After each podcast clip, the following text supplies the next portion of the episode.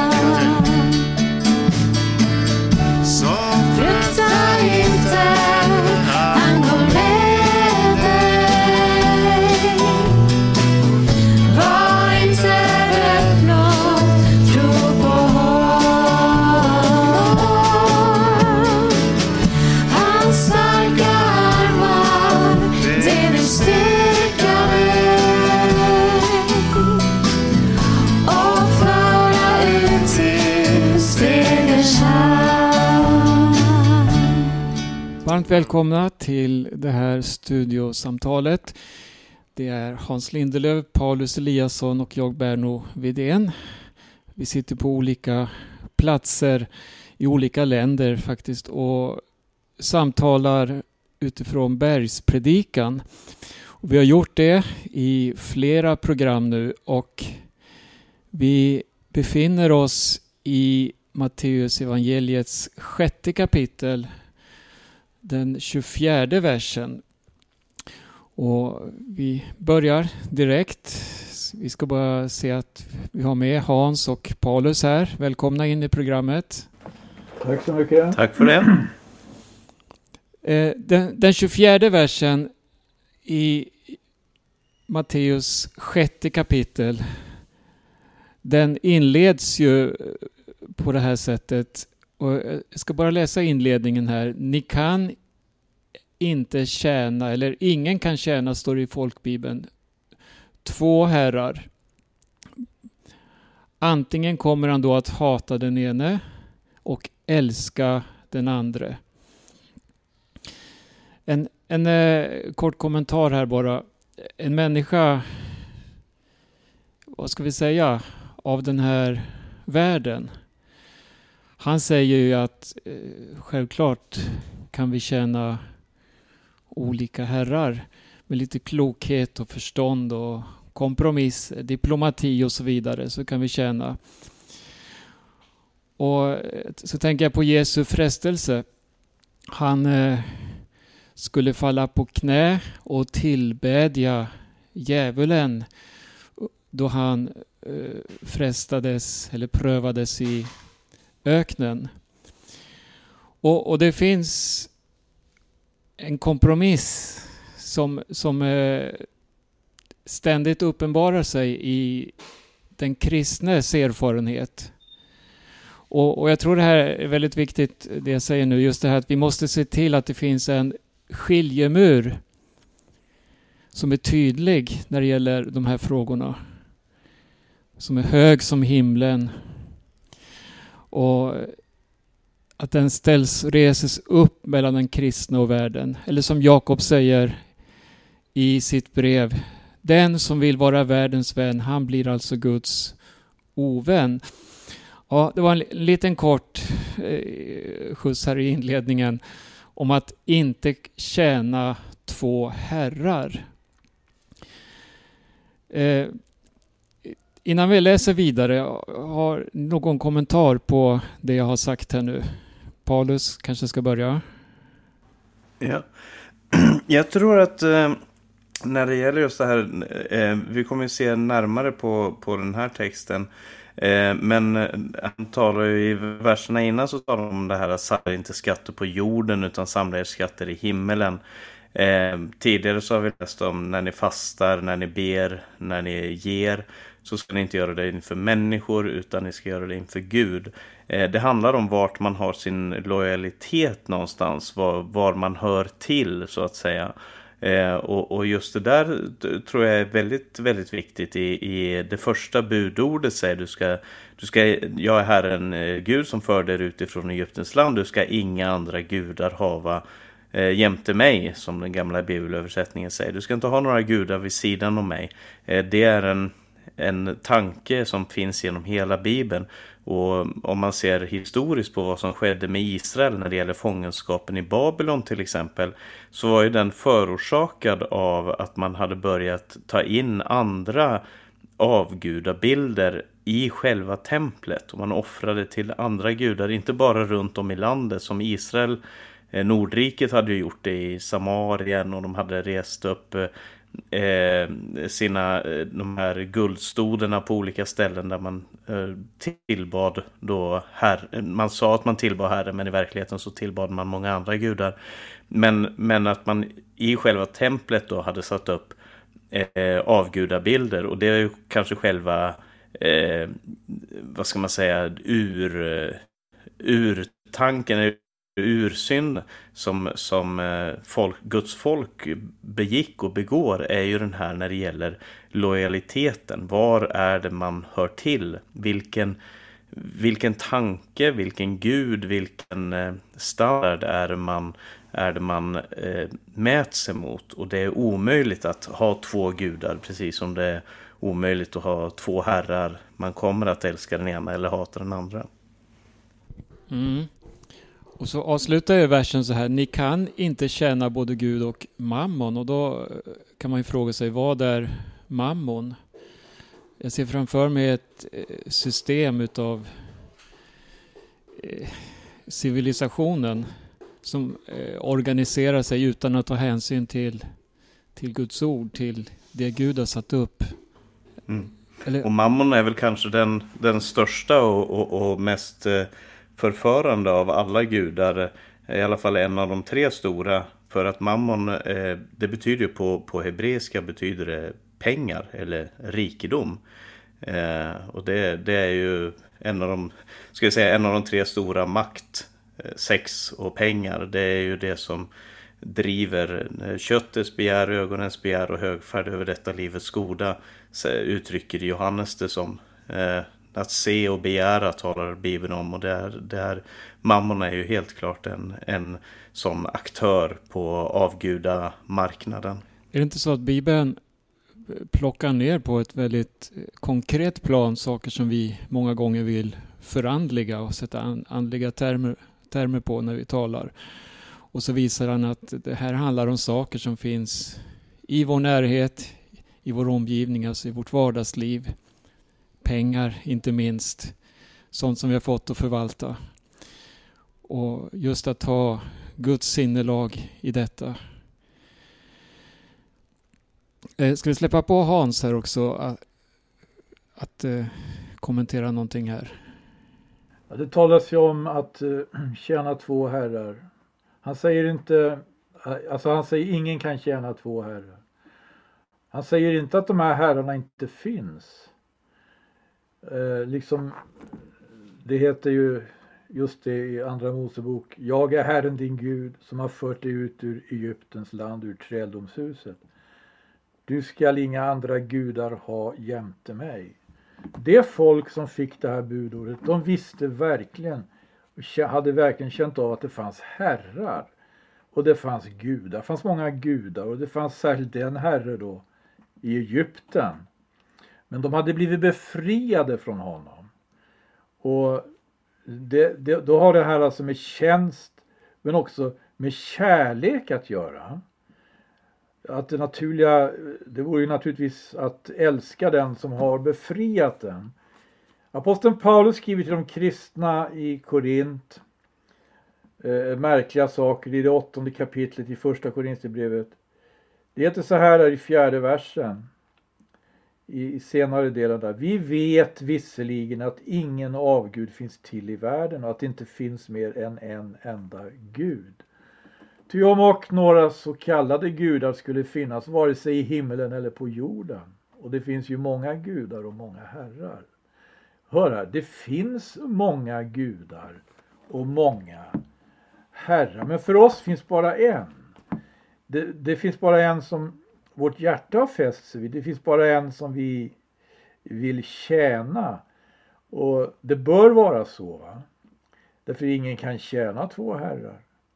Det handlar om tjänst här och det handlar om hat eller, eller kärlek. Och då naturligtvis eh, när vi som eh, Lammets efterföljare tar oss fram genom tillvaron. Vi kommer i situationer där det bränner till. Va?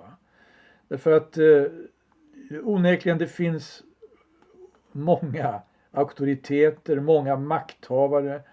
Och det här måste alltid vara våran beredskap. Att det här ordet får vägleda oss. Va? Att eh, för oss finns ändå, och det är i frågan om tjänst och det är i frågan om kärlek en enda Herre. Mm. Paulus har en kommentar innan vi går vidare här. Ja, jag, jag, kan tänka mig att många, framförallt i, i den moderna världen, skulle vilja säga att eh, men det är fullt möjligt att vara sin egen herre. Att tjäna ingen annan än sig själv och vara, eh, och vara autonom, vara självständig. Eh, och det är ju en föreställning som, eh, som vi i vår tid eh, dels är förunnade i betydelsen att vi, vi, kan, vi kan tro det därför att vi, vi har en större grad av självständighet. Men det är också en förförande eh, eh, det, det, är, det är någonting som den här världens herre gärna vill att vi ska tro. För att när vi följer det som Bibeln kallar det, det köttet och sinnet vill, eh, alltså vår egen vilja, då följer vi i verkligheten eh, den här världens första. Det talas om i, i Fesebrevet att vi, eh, vi förr vandrade eh, efter den här världens härskare och gjorde vad köttet och sinnet ville. Och det är eh, eh, det, så, så, man ska inte låta sig eh, luras av det här utan, utan eh, man kan välja vem man vill tjäna. Det sa Josua eh, då Israels folk skulle gå in i Israel eller då man just hade kommit in i Israel. Så, så säger han välj vem ni vill tjäna. Antingen de gudar som era fäder tjänade eller, eh, eh, eh eller om ni ska tjäna Herren. Och detsamma frågan ställde profeten Elia när han talade till folket som hade börjat gå bort ifrån Gud så sa han hur länge ska ni halta på båda sidor och då handlade det om guden Bal eller Herren. Eh, och så om det är Herren som är Gud så följ honom men om det är Baal så följ honom. Man kan välja sin Herre men man kommer alltid eh, ha sin lojalitet någonstans och det, det, är viktigt att förstå att vi är, vi är inte på det sättet autonoma utan vi, vi tillhör någon. Frågan är vem vi tillhör. Mm. Man förstår när man läser de här olika bibeltexterna då, de här personerna som vi har nämnt, att det finns tydliga rågångar att hålla sig till. Riktlinjer att antingen tjänar man Gud eller också tjänar man den här världen. Och Jesus han, han sa ju till och med så här ah, om den här världens första. Det finns ju första i andevärlden. Men han talar om den här världens första, att han kommer och att i mig finns ingenting som hör honom till. Det var ju en väldigt tydlig deklaration. Och all den här undervisningen ska vi verkligen ta vara på. För att Bibeln den, den visar på en annan väg, en annorlunda väg. Som inte är den väg som finns i världen. Utan det är de här principerna som vi bland annat möter här i bergspredikan. De här himmelska principerna. Och Jesus sa ju så här, ni kan inte tjäna både Gud och mammon. Och sen fortsätter han så här, därför säger jag er. Alltså han knyter an till det han har sagt tidigare. Så jag läser vidare här i, från vers 25 då. Därför säger jag er, gör er inte bekymmer för ert liv, vad ni ska äta eller dricka, inte heller för er kropp, vad ni ska klä er med.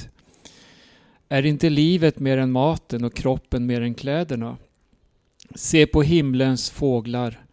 De sår inte, de skördar inte och samlar inte i lador och ändå föder er himmelske fader dem.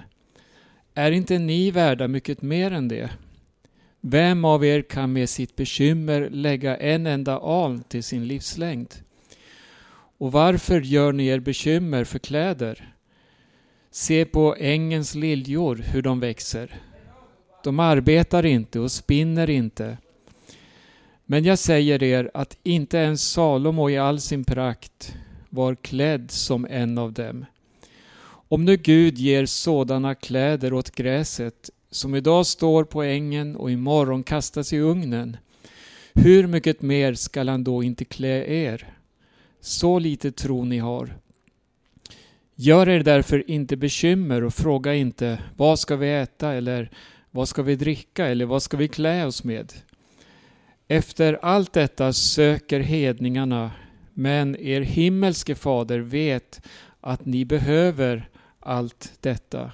Nej, sök först Guds rike och hans rättfärdighet, så skall ni få allt det andra också.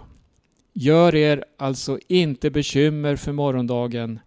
Den ska själv bära sitt bekymmer. Var dag har nog av sin egen plåga. Det var det sjätte kapitlets sista verser och det är verkligen mycket matnyttigt här. Ska vi Ska du fortsätta Paulus och säga något om de här verserna? Gör, gör er inte bekymmer för ert liv. Ska vi vara obekymrade? Mm. Det, det, är, eh, det verkar som att Jesus är, eh, alltså vad ska man säga? Eh, det, det man ska komma ihåg är att Jesus är inte en livscoach. Han är inte en inspirationstalare på ett TED-talk eller på någon företags kick-off som ska få dig att, att få ett eh, perspektiv så att du ska kunna gå ut med förnyad energi och, och, eh, och möta vardagen med lite nya krafter. Det är, in, det är inte hans fokus. Eh, Jesu fokus det är att berätta för oss vad det är att leva med Gud som Herre i sitt liv. Vad betyder det? Hur tar det sig uttryck? Och precis som jag sa innan det här med att tjäna mammon och många kan säga att ja men vadå, jag tjänar väl inte mammon. Hur tar det sig uttryck att tjäna mammon? Jo, Jesus säger bekymra er inte för ert liv, vad ni ska äta eller dricka eller för er kropp, vad ni ska klä er med. Är inte livet mer än maten och kroppen mer än kläderna? Och helt plötsligt så blir det här precis som du sa Berno, det blir väldigt personligt. Det blir väldigt nära. Eh, det blir väldigt eh, oroväckande med just att man inte ska, ska göra sig något bekymmer för de här sakerna. Är det att göra sig bekymmer för de här sakerna, är det mammons, mammondyrkan? För i så fall så tror jag att vi kanske är mammondyrkare lite, lite var och en. Eh, så, så eh, Jesus sätter saker och ting på sin spets. Men samtidigt så får vi inte missförstå det han säger. Det han säger är inte bry er inte eller, eller bara låt saker och ting fara. Lev ett hippiv och, och var bohemer och, och lev från dag till dag och, och tänk inte på dagen som kommer. Eh, tvärtom så är Bibeln ganska fokuserad på dagen som kommer och på vad som ska ske i framtiden. Men eh, frågan är vart prioriteringarna ligger, vad det är för någonting som vi söker och ett liv som handlar om kläder, mat, hus, bil, trygghet, alla de här sakerna som den här världen anser är så nödvändiga och som bombarderas i reklamen hela tiden. Det är det som ska göra dig salig. Det här som ska göra dig lycklig. det nya tvättmaskinen, den nya iPhonen, den nya eh, försäkringen. Ah, det, här, det är det här som ska göra dig salig. Och Gud säger sluta. Sluta springa det här racet. Sluta delta i, i den kampen. Och gå in i en annan kamp. Och så ska du se att när du går in i den kampen så kommer saker och ting hamna på, sitt, på sin rätta plats. För han säger inte, gör det inte bekymmer, var som fåglarna, var som liljorna eh, och bara lägger ner i soffan och, och tar det lugnt för saker och ting kommer lösa sig. Det är inte det han säger. Han säger, och det, och det här är ju det stora, det svåra, det utmanande, sök först Guds rike och hans rättfärdighet. Att söka efter rättfärdighet och Guds rike det borde vara människans prioritering istället för att, att söka efter sin egen trygghet och sin egen eh, framtid här på jorden. Och det tror jag är en jätteviktig lektion för, för de som menar sig och tjäna Gud. Att se vad, vad det är Jesus, var Jesus vill att vi ska lägga fokus. Mm. Eh, Hans, vill du säga något här? Ja, Eh, eh, vågar vi oss på att försöka sammanfatta bergspredikan? Vi har inte kommit igenom än, men jag har lagt, lagt märke till att kapitel 5 mynnar ut i eh, talet om fullkomlighet. Kapitel 6 det mynnar ut i talet om eh, rättfärdighet. Och så har vi det sista kapitlet. Jag vet inte om jag föregriper någonting men jag, jag skulle vilja sammanfatta det som att det handlar om domen. Alltså fullkomlighet, rättfärdighet och dom. Det, det, det rimmar lite grann med det som aposteln Paulus fick tala med ett par förstliga människor om. Det står om det i Apostlagärningarnas 24 kapitel. Han satt i fängelse då, Paulus. Och, men han var väldigt eh, uppmärksammad, han var, han var inte okänd, man ville höra honom. De kom från Jerusalem för att anklaga honom, men andra kom för att höra honom. Han hade vädjat till kejsaren i Rom. Och det står i slutet av Apostlagärningarnas 24 kapitel att någon tid därefter infann sig Felix, landshövdingen Felix, tillsammans med sin hustru Drusilla. Det här var verkligen myndighetspersoner. Det var makthavare som kom till Paulus. Men hans hustru Drusilla står det var judinna och han lät hämta Paulus och hörde honom om tron på Kristus Jesus. Men när Paulus talar med dem om rättfärdighet och återhållsamhet, alltså inte fullkomlighet här riktigt, rättfärdighet och återhållsamhet och om den tillstundade domen blev Felix förskräckt och sa Gå din väg för denna gång. När jag får läg läglig tid vill jag kalla dig till mig. Det här är märkligt. Eh, det, det här budskapet, alltså, det kan förskräcka. Eh, de som, om man säger, eh, är rika.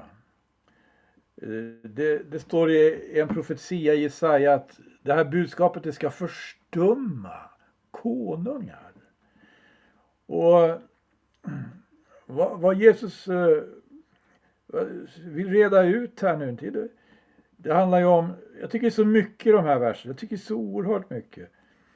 Därför att eh, här finns ju här finns ju med liksom människans överhuvudtaget värdighet, människans värdighet. Men han ringar in fåglarna. Och han talar om blommorna. Och han gör jämförelsen och han säger är inte ni mycket mer än det? Människorna som Gud skapade till sin avbild. Den första människan som han inblåste livsand i, i hennes näsa. Men vi ser att det här människorna har haft under historiens gång en tendens att förlora detta. Men nu har han kommit, nu har han kommit, den smorde. Han har kommit just för att återupprätta detta. Men då måste vi förvandlas. Va? få nya, eller som det heter, ett, inte bara nya ögon men ett nytt hjärta och en ny själ. Mm. Och en ny ande i vårt bröst. Mina, mina tankar när jag lyssnar här, det, det går ju till eh, apostlagärningarna också och för att här i, i bergspredikan ser vi ju då hur hans lärjungar tar till sig den här undervisningen om rättfärdighet bland annat, förnöjsamheten, och, och, så kommer vi in i apostlagärningarna och vad är det Jesus säger först? Eh, inte det här att nu ska ni ut och eh, reformera och förändra samhället och se till att sprida det här budskapet nu. Utan han, han eh, uttrycker att det krävs en förvandling. Det krävs något som är mer än det här jordiska just det här att bli beklädd med Guds egen ande. Att bli fylld av ande. Och syftet med andedopet då, eh, det var ju just det här att de därigenom skulle bli hans vittnen. I, och så eh, säger Jesus att det är både här och sen vidare ut över hela världen. Men förutsättningen för detta, det är att vara född på nytt. Att äga Guds ande och att ha Guds rikes eh, ja, principer i sitt liv. Och det, det, är ingenting man köper sig eller studerar sig till eller så. Utan, utan det är ju genom det nya livet. Den helige Ande fyller oss med sin kraft, med sin visdom och så vidare. Och, och, och så kom, kommer man in i Apostlagärningarna 2 och ser hur eh, Petrus och de andra apostlarna, de förkunnar evangelium, de som lyssnar får ett styng i sina hjärtan och så tar de emot budskapet. Och så leder det till att man kommer tillsammans på ett sätt som är himmelskt.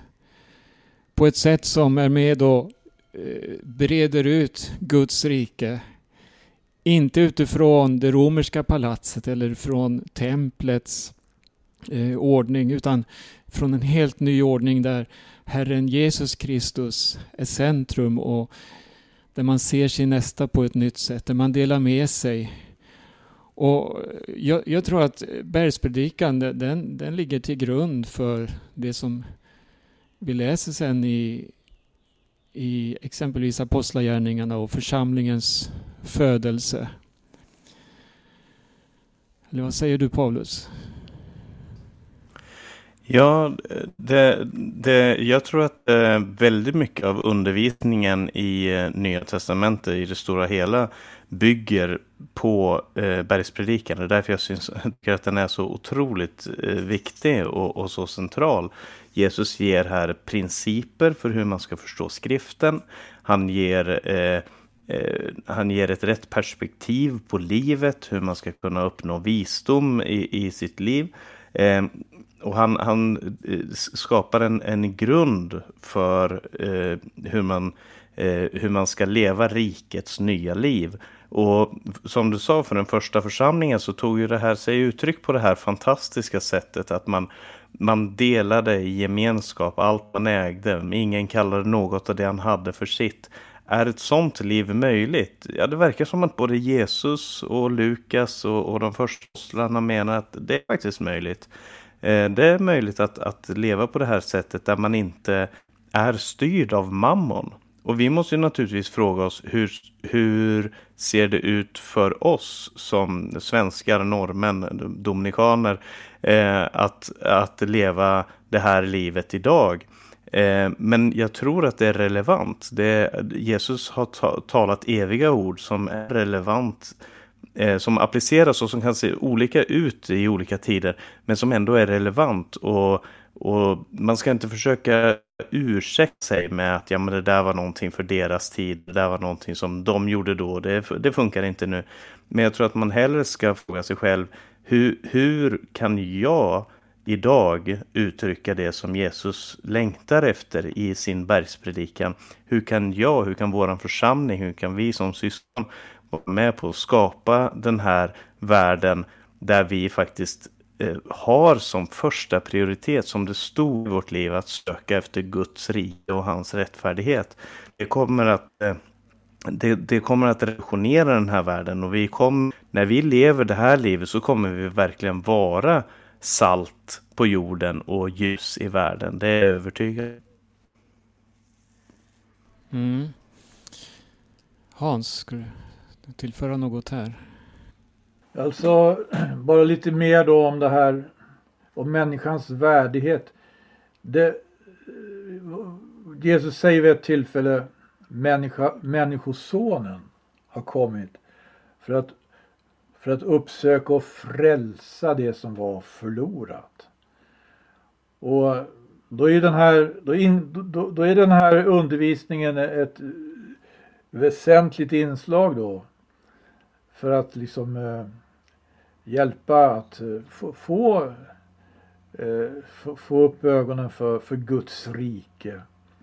Och att eh, sluta slå vakt om så att säga sitt eget, eller det man menar vara nödvändigt och ofrånkomligt att man eh, det som till exempelvis eh, bär mammons eh, signum.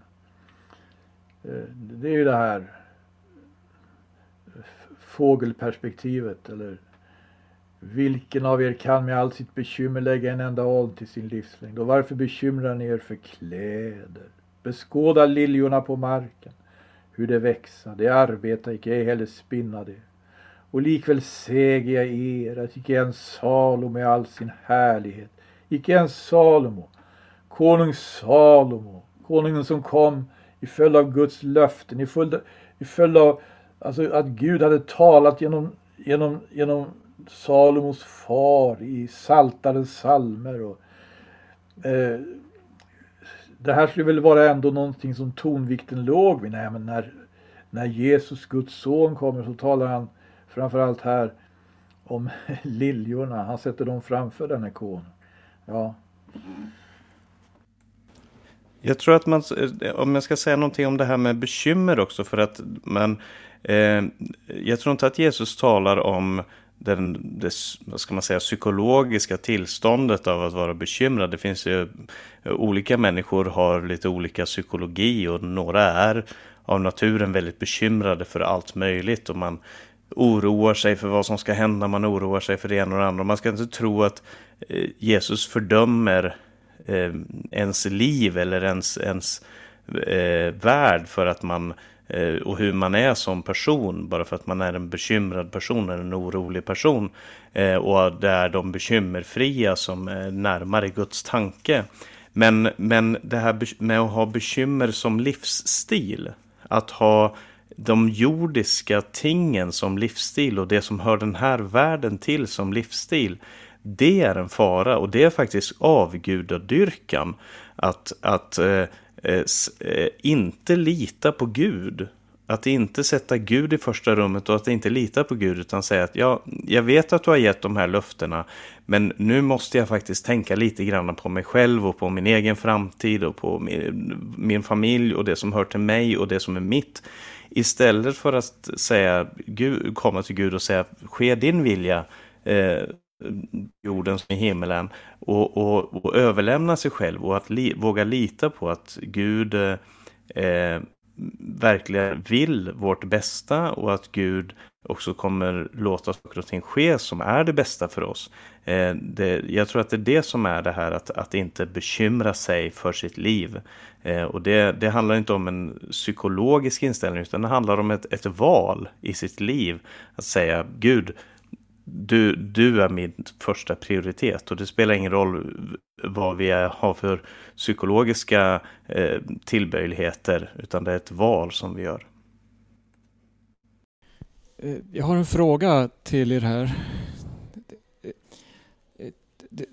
Det här som eh, vi läser då om i bergspredikan och också i Apostlagärningarna om den urkristna församlingens gemenskap. Eh, den, eh, de här bibelställena skapar också konflikt bland många kristna. Exempelvis, jag befinner mig ute i Dominikanska republiken och här finns det bibelinstitut där pastorer utbildas. Och då lyfter man fram undervisningen ur Apostlagärningarna 2, Apostlagärningarna 4. Just de här versarna verserna som talar då om egendomsgemenskap, hur man sålde och delade med sig. Och så säger man så här att det där var ett stort misslyckande. Man gjorde fel helt enkelt. Man skulle istället ha tagit vara på egendomarna och byggt upp en stark organisation så att man stod där som, ja, som, ett, Eh, som en stark organisation i de här svåra tiderna som kom sen och så vidare. Och, och på det sättet så eh, talar man då emot det som Apostlagärningarna 2 talar om. Och, men det måste ju finnas en grund till det här som och jag, jag läste en bok här av eh, Oswald Chambers.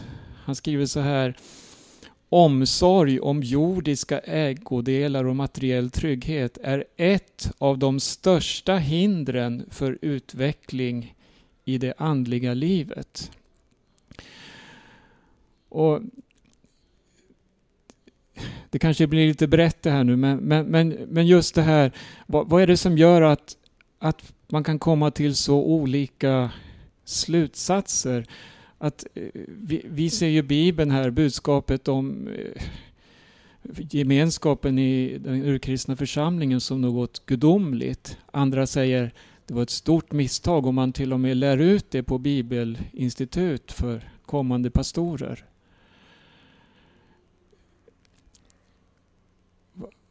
vad kan det bero på? Har, har inte det sin grund i just det här att man, att man hänger fast i det, eh, att bekymra sig för sitt liv och, och för eh, den här tiden och saker och ting i den här världen. Jag, jag, är rädd för, och jag ska inte anklaga någon, någon, för det, jag tror att det är väldigt många människor som, som gör väldigt mycket gott för Guds rike och, och som, har, eh, som verkligen önskar att leva för Gud men, men som ändå är bunden av den här. Och det kanske framförallt handlar om de organisationerna som inte skulle klara sig om det var de här principerna som, som fungerade. Men just när det gäller Apostlagärningarna 2 så kan man ju fråga sig Tecknar verkligen Lukas det här som ett misslyckande? Är det, är det den bilden man får när han skriver om att ingen kallade något och det de ägde för sitt, utan alla hade allting gemensamt och varje dag var de tillsammans hemma i husen, de bröt bröd, tackade Gud i hjärtats enfald och så vidare. Jag får inte intrycket av att han säger, och det förresten, det måste ni förstå, att det var ju fel. Det är i så fall en efterhandskonstruktion av någonting som, som Lukas, inspirerad av Gud, inte verkar ha i fokus. Eh, och det tycker jag man ska ha med när man, när man läser den här texten. Att eh, det, det är verkligen inte intryck man får när man läser texten. Det är snarare tvärtom. Att det här var, eh, om inte en absolut mönsterbild i betydelsen så här måste alla kristna göra på precis det här sättet. Så i alla fall eh, en beskrivning av hur Guds kärlek i deras hjärtan tog sig uttryck i deras samtid och på ett liknande sätt så tror jag att vår kärlek behöver ta sig uttryck i vår samtid. Men, men Jesus talar ju inte här eh, bestämt om egendomsgemenskap. Man skulle kunna fatta att han talar om snarare egendomslöshet. Egendomsgemenskap, det är ganska unikt det här, alltså exemplet i Apostlagärningarna. Och sen har det här eh, blivit mer eller mindre lyckade eh, exempel också i historien på att det har kunnat förverkligas. Egendomslöshet, ja, det kanske det kanske lite mer drar tankarna till eh, man säger tiggarmunkarna och så vidare men det behöver inte göra det. Det, det är överhuvudtaget den här uppgörelsen med just mammon som är av intresse. Egendomsgemenskapen är ett uttryck för det. Men mammon säger du här, det, det, det, det är väl mycket av mammons som ligger i centrum för framgångsteologin som har slagit igenom så oerhört eh, bland, bland, många kretsar. Där, där, man, där man ser sin egen personliga materiella framgång som, som ett sätt på att Gud leder mig, Gud han, ja, jag har lyckats liksom. Ger onekligen ett intryck av att det vara en kompromiss med mammon det. Ja. S eh, tiden går här. De sista verserna vi läste, ska vi säga något om det här? Jesus sa nej, sök först Guds rike. Vad sa han nej till? Jo, efter allt detta, det här vi har talat om nu, det söker hedningarna. Alltså, men Jesus säger nej till det och så säger han sök först Guds rike och hans rättfärdighet så skall ni få allt detta andra också. Paulus? Ja, alltså he hela bergspredikan handlar ju just om Guds rike. Eh, det, det, börjar med, med att eh, Jesus talar om att eh, saliga är, är de som, som eh, eh, de fattiga anden, för de tillhör himmelriket. Eh, och, och, Jesus gick omkring, står det i kapitel 4, och förkunnade omvänd er för himmelriket är nära. Eh, himmelriket eller Gudsriket, det handlar om eh, Guds principer för vårt liv. Alltså vi bygger upp våra riken. Sverige, Norge, Dominikanska republiken eh, som, som vi tre befinner oss i. Tre olika riken som har sin egen grundlag, som har sin egen kultur, sitt eget språk. Eh, och, och, där människor lever på ett visst sätt som har sin egen problematik och, och sina egna eh, härskare om du vill, politiker som står som ledare. Här i Norge så är det Erna Solberg som, som är den politiska ledaren, som är statsminister. Och, som, och nu ska vi ha val här i september. Norge går till val. Eh, och det, det, Jesus gör här är att han drar upp riktlinjerna för ett annat rike som är internationellt, eh, som inte har samma, samma typ av anspråk, men där anspråken ändå kuggar i varandra mot anspråken i den här världen. För att i den här världen så förväntas vi vara konsumenter, inte minst i vår tid. Vi förväntas konsumera otroligt mycket för att eh, marknadshjulen ska hålla sig i rullning. Vi, vi förväntas eh, eh förhålla oss till den här världen på det sättet som alla andra gör. Och, och där säger Jesus nej. Nej, precis som du sa. Nej, eh, sök först Guds rike. Nej, forma sig inte efter den här världen. Sök först Guds rike. Paulus säger i Romarbrevet 12 att vi inte ska formas efter den här tidsåldern, utan att vi ska eh, formas efter, efter Guds ande. Eh, och det här uttrycks på så många olika sätt i Bibeln. Men i grund och botten så handlar det om att den som tror på Gud, den som tillhör Gud, tillhör en motståndsrörelse. Eh, inte som den här världens motståndsrörelse, inte som ett Bader-Meinhof eller, eller någonting liknande, utan som en helt unik motståndsrörelse som fungerar efter de här himmelrikets principerna som är vi, vad, vad är det som är signifikativt för de som tillhör Jesus, Jesusfamiljen? Jo, det är just det här, de som söker hans rike och de som söker efter rättfärdighet. Det är, det är deras längtan, det är deras hung och törst. Eh, och jag upplever ju att när jag läser den här texten så eh, säger inte, alltså ofta så säger vi så här att säg ditt hjärta ja och amen till det här. Och det hoppas jag på ett sätt verkligen att det gör. Men samtidigt när jag läser det här så känner jag att att eh, mitt hjärta inte alls säger ja och amen utan att mitt inre blir lite så åh, är det här nödvändigt? Ska vi verkligen är det det här Gud vill? Och står det så klart och tydligt? Eh, som någon sa, det är inte Jesu ord som är svåra att förstå som bekymrar mig, utan det är de som är lätta att förstå som verkligen bekymrar mig. Och det här, jag, jag vet inte hur Jesus ska kunna vara, kunna vara så mycket tydligare än det han är i den här texten. Sök först Guds rike och hans rättfärdighet, så ska ni få, så ska ni få allt det andra också. Bekymra er alltså inte för morgondagen, för morgondagen bär sin eget bekymmer. Var dag har nog av sin egen plåga. Det är ett svärd som går igenom till liv och jag hoppas du som lyssnar på det här, att vi allihopa eh, upplever det här som, ett, som en utmaning, men inte bara som en eh, ja nu ska vi se vad vi får till, utan som drar oss närmare Jesus, som, som uppenbara behovet av att ha hans ande verksam i våra liv, så att vi kan leva det här livet, hur det nu än eh, ska ta sig uttryck i Sverige, Norge, Dominikanska republiken år 2021. Eh, det får Gud säga och det, det får vi se hur, hur anden leder, vad skriften säger och så vidare. Men, men det måste ske någonting. Det, kan inte, det betyder inte ingenting. Det betyder inte Medelsvensson eller Ola Norman eller vad han kan heta i Dominikanska republiken. Det betyder eh, ett annorlunda liv tillsammans med Jesus där han är Herre och vi är hans folk. Och det, det kommer ta sig uttryck eh, och det kommer bli en motståndsrörelse, det är jag helt övertygad om. Amen. När jag lyssnar nu, då, då kommer, vi kommer in på det som har med efterföljelse att göra. Det, och det hör ju hit också. För när Jesus undervisar så vill han ju lära sina lärjungar, fostra dem, visa dem på rätt värderingar och så vidare.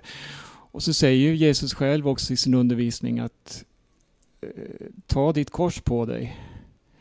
Och det, det, ett, att bära ett kors innebär ju lidande. Att bära ett kors innebär en, ja, en viss form av förnekelse. Och vad är det vi lider? Vad är det vi förnekar för något? Och Jesus säger han talar om kärleken, då sätter han upp då den som älskar fader och moder mer än mig, han är mig inte värdig.